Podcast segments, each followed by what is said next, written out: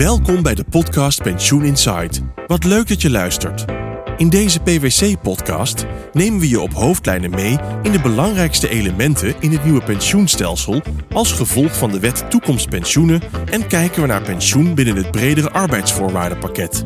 Er gaat een hoop op ons afkomen, maar wat zijn nou dingen waar je echt rekening mee moet houden? En misschien nog belangrijker, wat moet je er precies mee en wanneer?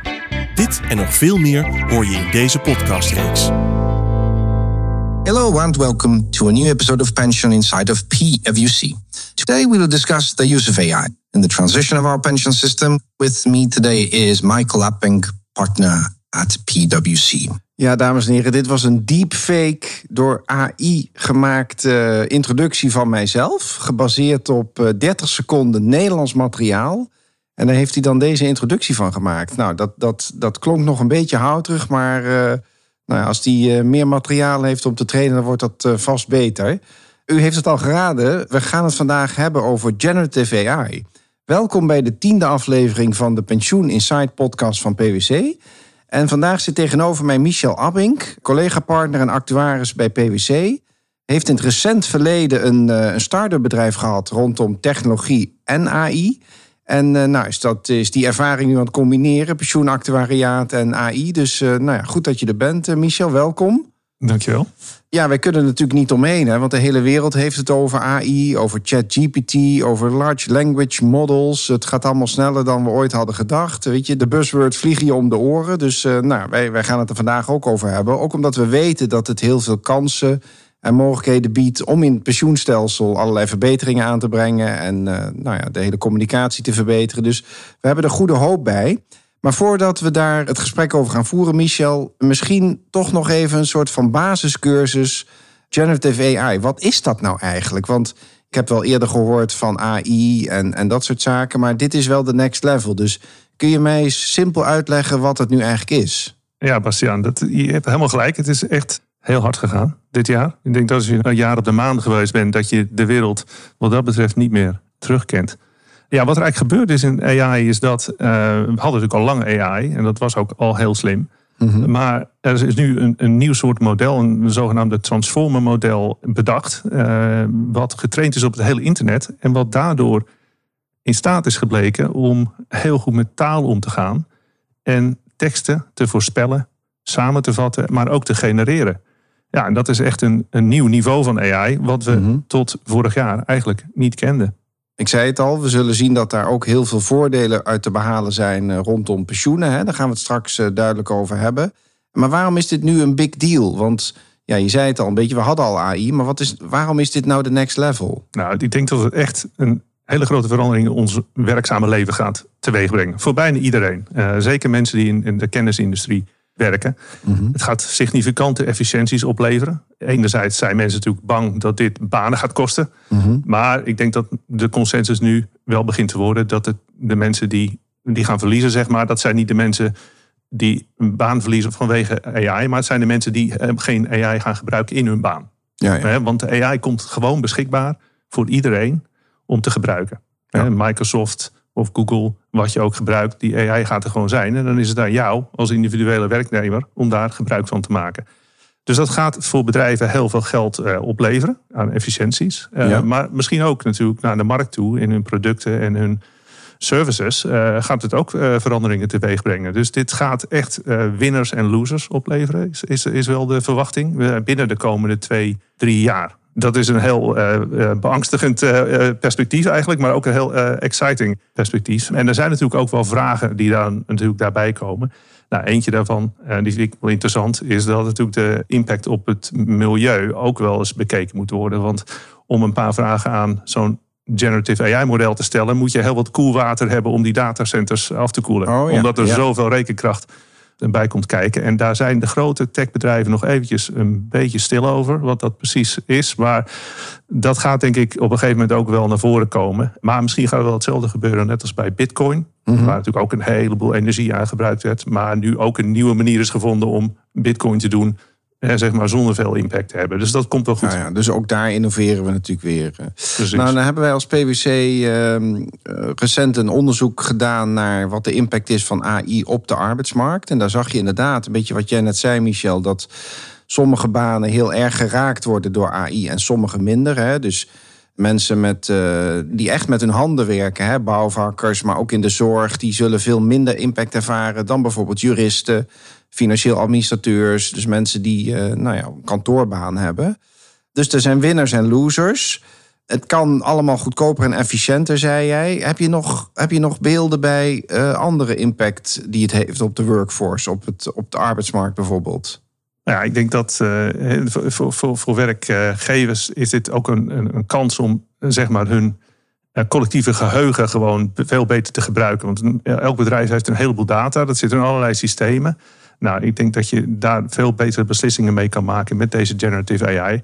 Als je in staat bent om al die data met elkaar uh, te combineren, zeg maar. Maar je ziet ook dat werkgevers inderdaad in, in hun recruitment nu gebruik gaan maken van generative AI. dat kan cv's samenvatten, dat kan vragen alvast voorbereiden voor een gesprek. Ja. En je ziet natuurlijk ook dat sollicitanten uh, generative AI gebruiken om uh, binnen de deur te komen. Hè? Fake it until you make it, zeg maar. Dus die sollicitatiegesprek, dat gaat gewoon veel en veel belangrijker worden. En heb je ook een concreet voorbeeld, Michel, waar dit in de praktijk al getest wordt of waar er al mee geoefend wordt of bedrijven die er al mee aan de gang zijn? Ja, zeker, Bastiaan. Nou, bijvoorbeeld, er stond een aantal maanden geleden een artikel in het NRC over de pensioenverzekeraar NN uh, eh, Nationaal Nederlanden, die in hun callcenter de gesprekken die ze hebben met de klanten nu samenvat met Gen AI. Oh ja. Nou, dat is niet perfect. Daar moeten altijd nog wel wat dingen aan gesleuteld worden. Uh, maar het wordt wel steeds beter. En het bespaart hun een aanzienlijk uh, aantal menskrachten die op een betere manier ingezet kunnen worden. Dus dat is een, een voorbeeld van de efficiëntie die nu al toegepast wordt. Ja, er is schaarste in de markt, er zijn te weinig mensen. We hebben die mensen keihard nodig. Dus dit is een mooi voorbeeld van innovatie waarbij we niet banen overbodig maken, maar waar we juist mensen voor andere dingen kunnen inzetten waar ze meer toegevoegde waarde bieden. Ja, en zeker met dit soort compliance-achtige dingen die gewoon moeten gebeuren. Het samenvatten van een gesprek. Je kan ook kijken naar wat eh, de banken bijvoorbeeld willen gaan doen met het hele KYC-proces. Know your customer, ja. Ja, want dat is ook een gigantische last in de bankensector. Waar wij allemaal als klant voor betalen. Mhm. En ja, eh, als die gesprekken met ons gewoon samenvat kunnen worden door Gen AI, daar wordt iedereen beter van. Ja, oké. En wat ook natuurlijk het, uh, ja, het geval is, dat, dat werkgevers natuurlijk met dit soort technologie ook werknemers veel meer kunnen analyseren en monitoren. Ja, ja. nou, dat is voor better or worse natuurlijk. dat kan ook goed doel dienen. De, bijvoorbeeld als je jaarlijks doelstellingen moet vaststellen, dan kan de AI kijken of dat wel een beetje in lijn is met de strategie. Dat iedereen, zeg maar, dat is in ons bedrijf bijvoorbeeld belangrijk, dat we onze, onze persoonlijke doelstellingen, dat die ook bijdragen. Ja. Maar het kan natuurlijk ook uh, gebruikt worden om retentie te verbeteren. Je kan natuurlijk met die generative AI veel sneller zien of iemand zeg maar, een, een beetje disengaged is. Uh, ja. hè? Dus dat is of misschien veel te hard werkt, waardoor je kunt zeggen van hé, hey, de, de, de well-being is in gevaar. Dus dat leidt misschien tot ziekteverzuim. Dus vroegtijdig gewoon ingrijpen en helpen mensen, mensen minder hard laten werken. Zeker.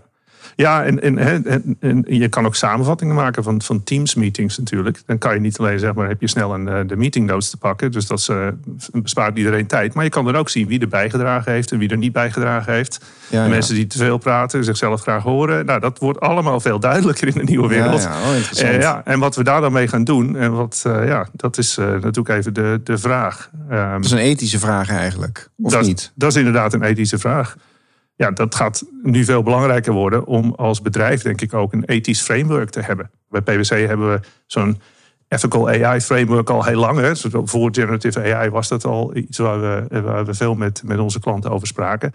Ik denk dat elke werkgever wel zo'n framework moet gaan hebben. En dat het misschien de manier waarop jij met je data omgaat richting je werknemers ook wel een onderscheidend punt gaat worden. Oké, nou bedankt voor deze introductie en uh, spiegelingen vooraf. Maar we hebben het hier over pensioenen, hè? want u bent tenslotte uh, aan het luisteren naar de Pensioen Insight podcast. Dus we moeten het over pensioenen gaan hebben, Michel. We hebben allemaal uh, vaker gehoord dat uh, AI ook impact heeft op pensioenen. Een paar afleveringen hiervoor had ik een gesprek met Bianca van der Goes en Sander Appel. Die ook aangaven dat in communicatie het gebruik van AI echt wel een belofte is en heel veel dingen kan doen. Maar wat is in bredere zin uh, nog meer de impact van AI op de hele pensioenstelseltransitie en dus op de invoering van de WTP? Nou, ik denk dat het inderdaad aansluitend bij wat, wat Sander en Bianca dan zeggen, dat die AI, chatbot-ervaring, dat wordt bijna een menselijke ervaring. Dus de, de, de hoop eh, en de verwachting is dat dat zo goed gaat worden dat mensen ook daarmee willen communiceren. En dan zit je dus op het punt dat je een, een persoonlijke assistent kan hebben. En zo'n persoonlijke assistent die kan dan zorgen dat jouw financiële well-being op orde is. En dat is denk ik voor werkgevers een kans om iets aan te bieden wat eigenlijk nu te veel tijd en geld kost, maar wel heel belangrijk is voor mensen. Want de AI zou in extreme gevallen bijvoorbeeld kunnen zien dat jij in die out of office eh, bent omdat je uh, gaat trouwen of omdat je een huis gekocht hebt of omdat je kinderen hebt gekregen. Nou, er zijn natuurlijk een heleboel financiële vragen die dan opkomen bij zo'n leefmoment, eh, die beantwoord moeten worden. Nou, het hoeft GenAI niet een antwoord op te geven, maar het kan je wel advies geven om daarover na te gaan denken. Ja, of let op, eh, ik zie dat je getrouwd bent, eh, geef vooral dat door aan de pensioenuitvoerder, want dan weten we zeker dat je nabestaande pensioen goed geregeld is. Dat soort dingen. Bijvoorbeeld, ja. ja. Ik denk dat mensen dat nu misschien nog een beetje eng vinden, dat zo Big Brother meekijkt, maar nou, misschien komen we wel in de wereld waar dat binnen de juiste grenzen best wel prettig is. Ja, en die transitie, we gaan natuurlijk naar het nieuwe pensioensysteem toe. Daar zijn verantwoordelijkheden voor de pensioenuitvoerder, maar ook verantwoordelijkheden voor de werkgever. Eerst eens even bij die laatste beginnen, bij die werkgever. Die moet communiceren, die moet uitleg geven, die moet vertellen hoe de nieuwe arbeidsvoorwaarden eruit ziet. Misschien dat die iets gaat compenseren en hoe dan.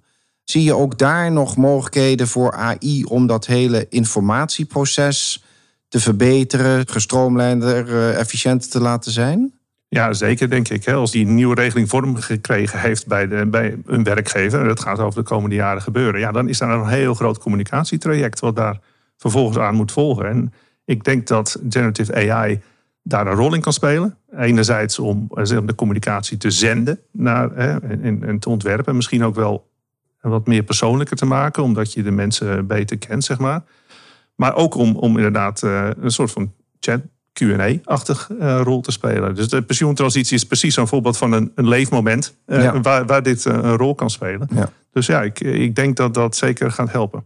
Nu ben ik een luisteraar, een werkgever. En dan denk ik, ja, maar hoe dan? Want het klinkt allemaal heel mooi en ik, ik zie het ook wel voor me. Maar ja, wie ga ik bellen? Hoe ga ik dat doen? Gaat mijn pensioenuitvoerder me hierin faciliteren of juist niet? Want die heeft andere, andere verantwoordelijkheden. Moet ik het zelf gaan ontwikkelen? Gaan de workdays of grote HC cloud systemen mij hierbij helpen? Hoe, wat is de eerste stap, Michel, als ik dit zou willen als werkgever? Nou, ik denk dat je het al, al, een beetje zegt. Ik denk dat de grote software providers, dat die hier natuurlijk ook bovenop springen. We weten bijvoorbeeld al van, eh, van Google dat we eh, zo direct in onze Microsoft Suite, dat we daar allemaal co-pilots gaan krijgen. Nou, een van die co-pilots zal ook wel een, een chatbot gaan worden. Mhm. Eh, maar dan is het natuurlijk nog steeds een kwestie van het implementeren op de kennis, uh, het kennisgebied waar je dat uh, mee wil doen. Dus uh, dan moet er nog steeds getraind worden op pensioenen en WTP en, en de regeling. Nou, dat, dat soort implementatieprojecten. Ja. dat is denk ik iets wat, nou, waar zijn wij natuurlijk als organisatie ook over het nadenken zijn. Hoe kunnen we dat, dat soort dingen begeleiden? Ja, dus eigenlijk de tip aan de werkgevers die luisteren is... dat kun je vooral aan je pensioenadviseur vragen. Want die is als het goed is daarover aan het nadenken... hoe die dat kan inrichten en kan trainen... zodat die pensioenadviseur, die werkgever hierbij kan helpen. Oké, interessant Michel. En, maar ik denk meteen, uh, heel veel van die pensioeninformatie... en de uitleg over de nieuwe regeling, et cetera... die moet natuurlijk van die pensioenuitvoerder komen. Om een aantal redenen. Ten eerste, die werkgever ja, is ook geen materiedeskundige... Hè? is wel een adviseur, maar ja, uiteindelijk leunt hij ook heel erg op de pensioenuitvoerder. Zeker als dat grote professionele verzekeraars zijn, pensioenfondsen, et cetera. Daar mag je toch van verwachten dat die een deel van die verantwoordelijkheid op zich nemen. Hoe zie je dat voor je, die samenwerking tussen enerzijds de werkgever, de pensioenuitvoerder en de communicatie richting de werknemer? Wat zie je daar gebeuren? Nou ja, goed, dat is een heel goed punt, denk ik, Bastiaan. Dat, dat die, die drie partijen wel met elkaar heel nauw moeten samenwerken. Wie wat communiceert wanneer hè, aan, aan de deelnemer. Wat je wel ziet, denk ik, bij de pensioenuitvoerders, dat er toch wel een realisatie is dat er natuurlijk een heleboel vragen op hun af gaan komen. Niet alleen van werknemers die nu nog werkende zijn, maar ook van gepensioneerden die misschien oh, mogelijk na invaren ineens een ander pensioen hebben. En die gaan opbellen. Ja. dus die callcenters bij de grote pensioenuitvoerders, die gaan heel druk worden. En misschien wel zo druk dat het met uh, ja, mensen die toch opgeleid moeten worden met pensioenkennis bijna niet te doen is. He, daar zou dus ook weer generative AI een rol kunnen spelen. Maar realiseer je natuurlijk wel dat, dat dit natuurlijk geen makkelijke gesprekken zijn. Hè? Mensen die stellen een vraag over een pensioen, wat waarschijnlijk dan in het geval van een pensioneerde hun belangrijkste inkomen is. Hè? Dat zijn vrij emotionele gesprekken.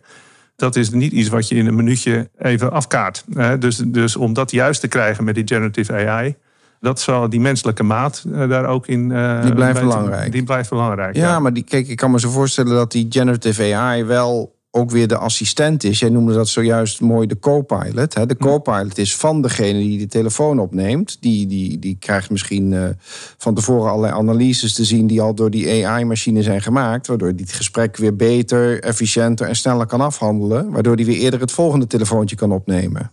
Ja, nou, ik denk dat dat de belofte is. En dat we daar de komende jaren inderdaad uh, moeten gaan zien... hoe goed kan deze AI zijn om de pensioentransitie en die grote werklast van de pensioenuitvoerders om die uh, ja, te verkleinen. Ja. Nou klinkt dit allemaal uh, eigenlijk heel logisch. En ik ben er ook snel van overtuigd dat dit heel veel voordelen gaat bieden. Hè? Dus nou, we begonnen deze aflevering door een, een heel kort deepfake geluidsbestand van mijzelf te laten horen. Ik zei al, dat was uit 30 seconden materiaal gehaald. Dat is een teken van wat er allemaal kan gebeuren als je hier heel veel tijd en geld in investeert. Maar tegelijkertijd blijft bij mij toch dat gevoel hangen van... ja, maar hoe krijg ik dit allemaal aan de praat? Want die pensioenuitvoerders die hebben heel veel te doen. Hè? Die zijn bezig met hm. invaarberekeningen en transitieplannen... en weet ik veel wat allemaal. Dus die, die hebben zoveel sores op hun bord liggen. Kunnen ze dit er wel bij hebben? Ja, nou, ik denk dat je een goed punt aanraakt. Namelijk dat zeg maar, het innovatievermogen van de pensioenindustrie natuurlijk niet uh, befaamd is. Uh, En dus hier moeten denk ik, andere partijen de innovatie gaan doen en dan de kant-en-klare oplossingen eh, bij de pensioenuitvoerders eh, neerleggen. Nee, precies. Dus ook het bedrijfsleven, de softwareproviders, de consultants, et cetera, die hebben hier een belangrijke rol om het uiteindelijk eh, voor de sector mogelijk te maken. Dat denk ik wel. Hey, maar Michel, nu moet ik meteen aan een voorbeeld denken waarbij mensen geïnformeerd moeten worden dadelijk over een nieuwe pensioenregeling. Ze krijgen heel veel keuzes te verwerken, ze moeten documenten misschien wel ondertekenen. Maar we weten ook dat een heleboel mensen A laaggeletterd zijn. Maar een heleboel mensen natuurlijk ook de Nederlandse taal niet machtig zijn. Ik noem bijvoorbeeld eh, in de schoonmaakindustrie, maar er zijn heel veel meer industrieën te verzinnen waar dat zo is. Is Gen AI niet daar ook gewoon een oplossing om die inclusiviteit te borgen? Ik heb er eigenlijk nog nooit over nagedacht, eh, Bastiaan. Maar je hebt natuurlijk helemaal gelijk. Uh, generative AI.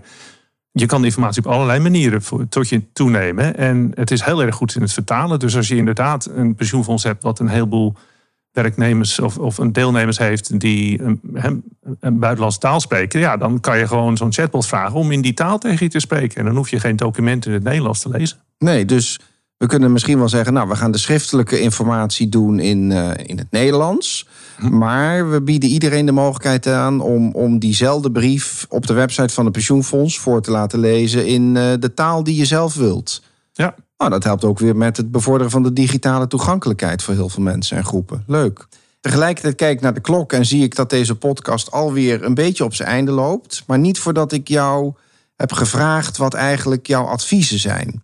En ik wil graag beginnen met jouw adviezen aan de werkgever. Stel nu, eh, ik ben een werkgever en ik ben verantwoordelijk voor de arbeidsvoorwaarden pensioen. Ik ben bezig met, eh, met mijn adviseur en uitvoerder om dat te herzien en om te zetten naar het nieuwe pensioensysteem.